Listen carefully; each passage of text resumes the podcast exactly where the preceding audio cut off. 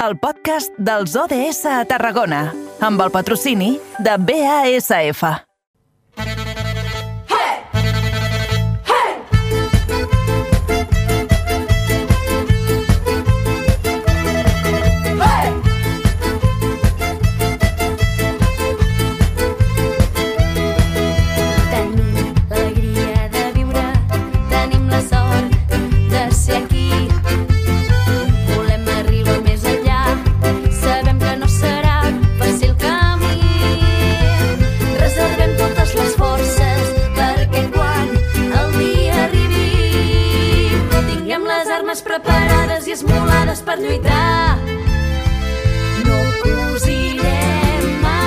Vinga, va, que ritme de les robes estesa, nosaltres el que fem és endinsar-nos en aquesta Agenda 2030 de les Nacions Unides. No parlarem de les eh, criades, que precisament és el eh, tema que ens ajudarà a il·lustrar la qüestió que posarem damunt la taula al llarg dels propers minuts. El que farem de moment serà situar-nos als estudis de la nova ràdio de Reus, perquè allí tenim el nostre company Aleix Pérez. Aleix, bona tarda. Molt bona tarda, Eduard. Ui, et sento molt lluny, Aleix. És com si te n'haguessis anat a... a... Espera, espera, que ara, potser ara, Ara, millor. ara, millor, ara millor. Es Sí, nota sí. que aquí tenim uh, quilòmetres i quilòmetres de cables Sí, campats sí. arreu del camp de, de Tarragona. Escolta una cosa, ara que ja t'escoltem bé, uh, avança'ns uh, de quina temàtica ens uh, parlaràs avui bé o ens uh, parlarà l'Olga del col·lectiu Cau de Llunes. Doncs bé, això, com cada 15 dies tenim amb nosaltres a l'Olga, de, del Cau de Llunes, i avui parlarem d'un estudi molt interessant que enllaça i relaciona el feminisme també amb el sector agrícola i alimentari del Camp de Tarragona, un estudi obra d'Aurora Saed i Joana Bregolat, que també hem trobat que s'engloba molt bé dintre l'ODS número 5 dedicat a la igualtat de gènere i farem una mica un repàs i ens servirà d'excusa una mica per parlar de tots aquestes tot aquest sector primari i sector alimentari que, que es pot vincular amb el Camp de Tarragona i també amb el feminisme. Molt bona tarda, Olga. Hola, bona tarda.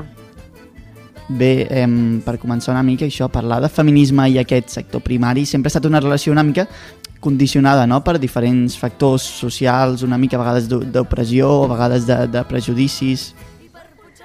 Sí, a veure, també tenim una visió molt estereotipada eh, en general de, de què és el sector primari eh, i, i moltes vegades molt acotada, no? perquè pensem en bueno, aquestes idees que tenim d'imatges bucòliques del camp on només hi ha homes i la realitat és molt diferent i a més a més les dones també sempre han, han participat no, de, de, de l'agricultura en, en moltes tasques, com, com són, per exemple, també la preservació dels aliments i, i, i d'aquelles verdures i hortalisses que, i fruites que, que produïm.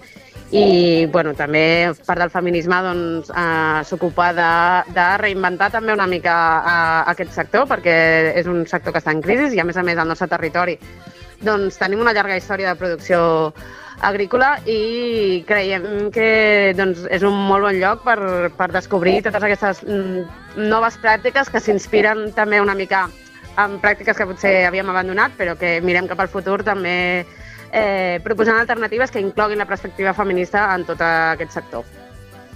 perquè que- aquest, aquest punt fem, feminista també no sé si té algun tipus de relació també en la, en, en la propietat de les terres potser hi ha, hagut, eh, ha sigut un condicionant també el fet de que hi ha hagut malauradament molts casos on les terres potser han anat a, a homes malauradament i no hi ha hagut una, una repartició paritària en aquest aspecte Sí, i de fet és un dels impediments eh, més importants que es troba la gent avui en dia si, si volen eh, introduir-se en, en el món de l'agricultura, no? l'accés a la terra, perquè eh, la propietat privada de les terres fa que, que, bueno, que necessitis una inversió inicial molt forta per, per poder-te dedicar a la pagesia i, i per això és un ofici que normalment eh, és familiar, o sigui, s'hereten aquestes terres i tradicionalment, malauradament, sempre les heretaven només els homes, no? I, I aquí és una de les coses que s'hauria de corregir, tant facilitar l'accés per a aquells que no tenen terres, eh, ja sigui a nivell de, de lloguers, de, de, de, de cedir terrenys en custòdia i amb moltíssimes formes jurídiques, també anar més enllà del que és la propietat privada, no? hi ha propietats comunals, hi ha propietats de molts tipus, i, i també tenint al cap això que hem de procurar que també les dones puguin accedir a, a tenir terres per poder cultivar. Sí. Exacte, i també hi ha hagut casos, com has com- comentat això, de contextos familiars, que a vegades també s'ha vist invisibilitzada doncs, tota la feina que, que s'ha fet també per part de, de, de vegades el, això, el, el, les mares o les filles doncs, que malauradament sempre s'han posat tots els focus en l'estereotip de l'home que treballa a la terra, però al final també la quantitat de tasques i de, i de gestió de terres també ha sigut molt important per part de, de, també de, de, de tota aquesta part de, de, de personalitats i de, i de persones, nuclis familiars femenins. Sí, i de fet també això també es veu molt eh, inclusament als espais més públics. Per exemple, si parlem de totes les cooperatives agrícoles que tenim aquí, ja sigui per molins o per, per fer vi o, o de cellers o el que sigui, eh, tradicionalment també les juntes d'aquestes cooperatives eren els homes de la família, que és l'espai on es prenen decisions sobre, sobre quan es cull o, o, o bueno, tot el que tingui a veure amb la producció.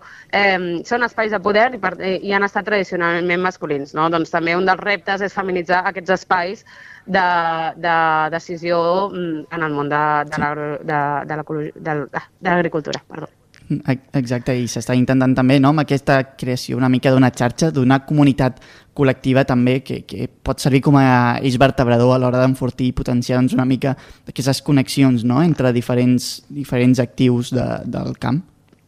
Sí, estan sorgint molt bones iniciatives no? que, que cal eh, seguir amb atenció. Tenim diverses cooperatives agrícoles, a Bràfim, de nova creació, per exemple, està la Brustada, que també inclou Socarrel i, i, i altres que, que estan fent molt bona feina.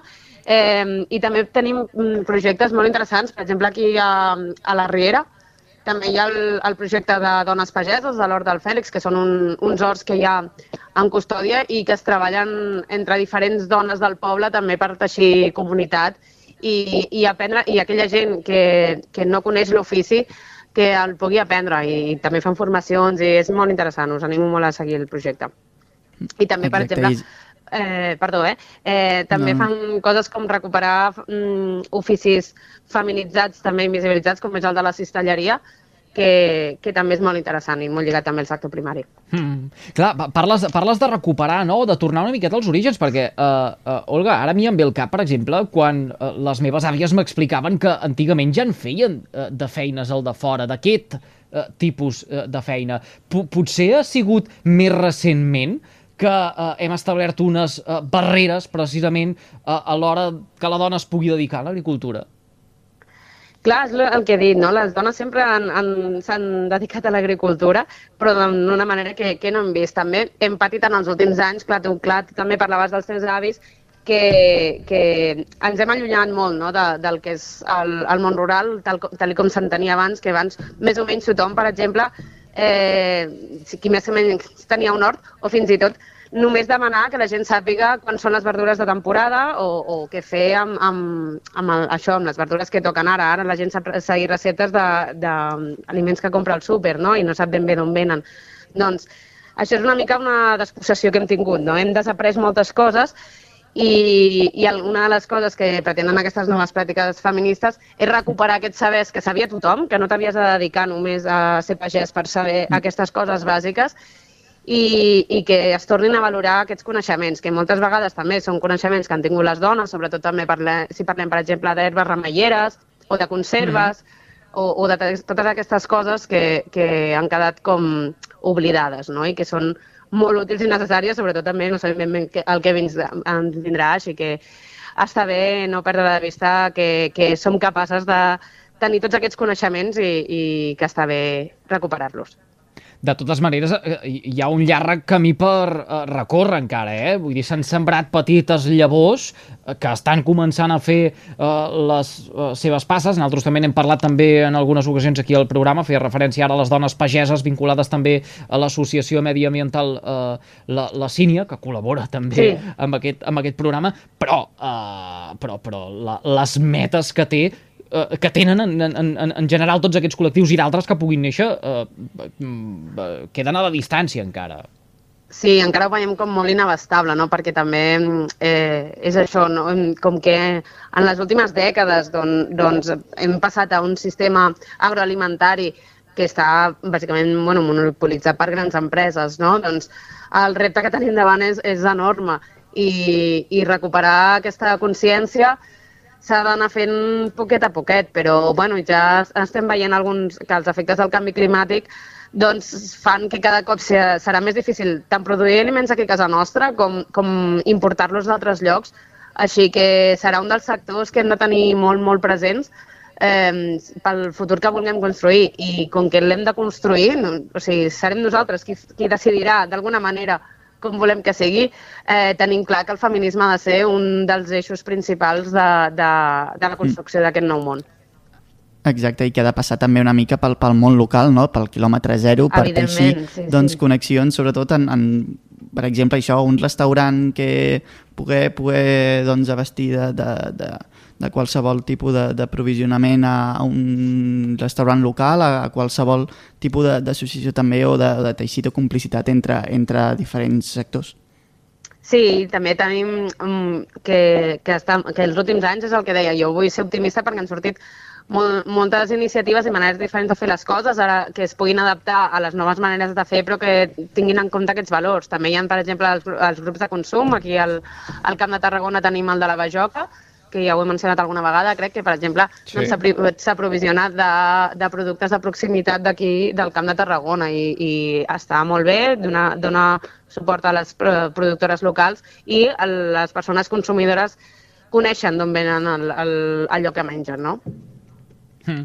Olga, escolta una cosa, abans de, de deixar-ho uh, uh, i uh, mm, tractant uh, altres qüestions, uh, permeta'ns que et preguntem per uh, l'actualitat que avui passa, entre d'altres titulars, pel fet que hem conegut que les denúncies per violències sexuals hagin augmentat gairebé, atenció, eh, un 20% a Catalunya el primer quadrimestre del 2023 respecte al mateix període de l'any passat. Els Mossos d'Esquadra diuen que han atès, uh, i ara llegiré la uh, xifra uh, tal com raja, sense aproximacions, 1.487 víctimes entre els mesos de gener i abril i han detingut o investigat al voltant d'un miler d'autors. Un 12% d'aquests menors d'edats. Uh, més, més dades, uh, per comentar-les així per, per uh, sobre els casos perpetrats per submissió química corresponen a un 1% amb 13 fets i les agressions grupals representen un 4% del total, concretament 58 fets denunciats. Tot això ho ha dit avui la portaveu del cos i cap de l'àrea tècnica de proximitat i seguretat ciutadana, la inspectora Montserrat Escudé, que ha alertat que un 60% dels casos es produeixen per part d'autors coneguts en entorns que la víctima considera segurs. Quina lectura en fas d'aquestes eh, dades, Olga, que ens esgarrifen? mm, esgarrifada, com tu, com tu dius. Som conscients que, que en, sembla que haguem avançat molt i ho hem fet, però, però les dades ens demostren que, que no podem baixar la guàrdia i, i que el problema és molt greu. Com tu deies, per exemple, un de, dels, dels factors a tenir en clau és que es, aquestes agressions es produeixen per persones de l'entorn i en lloc que considerem segurs. Per això també, per exemple, la setmana passada dèiem el tema de replantejar la seguretat no? de, des d'altres perspectives perquè mm -hmm. hem de, de, de fer capaces que els entorns segurs siguin segurs i que, que no podem eh, seguir amb aquestes idees no, de, de que potser les agressions les fan desconeguts, en, en entorns al, al carrer i tot, que també passa, però, però siguem conscients de que, el, el, bueno, que al final la violència patriarcal doncs, que es troba a tot arreu i és part intrínseca de la nostra societat, no són coses que, que passen de manera aïllada. Una altra dada també que sortia aquesta mm, setmana, ara no recordo la dada exacta, però eren desenes de, de milers de dones que l'estat espanyol viuen en protecció policial per poder viure perquè mm, la seva vida corre perill per la situació de violència ma- masclista en què es troben. Clar, és que a vegades la gent ens diu exagerades quan parlem de terrorisme masclista, però és que és, les dades són molt greus. I tant, déu nhi per de reflexionar i, i mm, tot això ens hauria de, de, de fer preocupar, eh? Uh, no sé, convenen molts canvis d'actitud uh, davant de tot això que uh, llegíem avui en començar el programa, són unes dades que hem uh, conegut precisament fa escasses hores. En fi, uh, seguirem parlant, convé que en uh, parlem per uh, canviar alguna cosa, uh, tant de bo. Olga, moltíssimes gràcies per fer-nos confiança una, una vegada més. Una abraçada ben forta i fins aquí 15 dies. Igualment, moltes gràcies. Adéu. I gràcies també a l'Eix Pérez des dels estudis de la nova ràdio de Reus. Que acabis de passar un molt bon dimarts. Fins demà. Ens escoltem demà.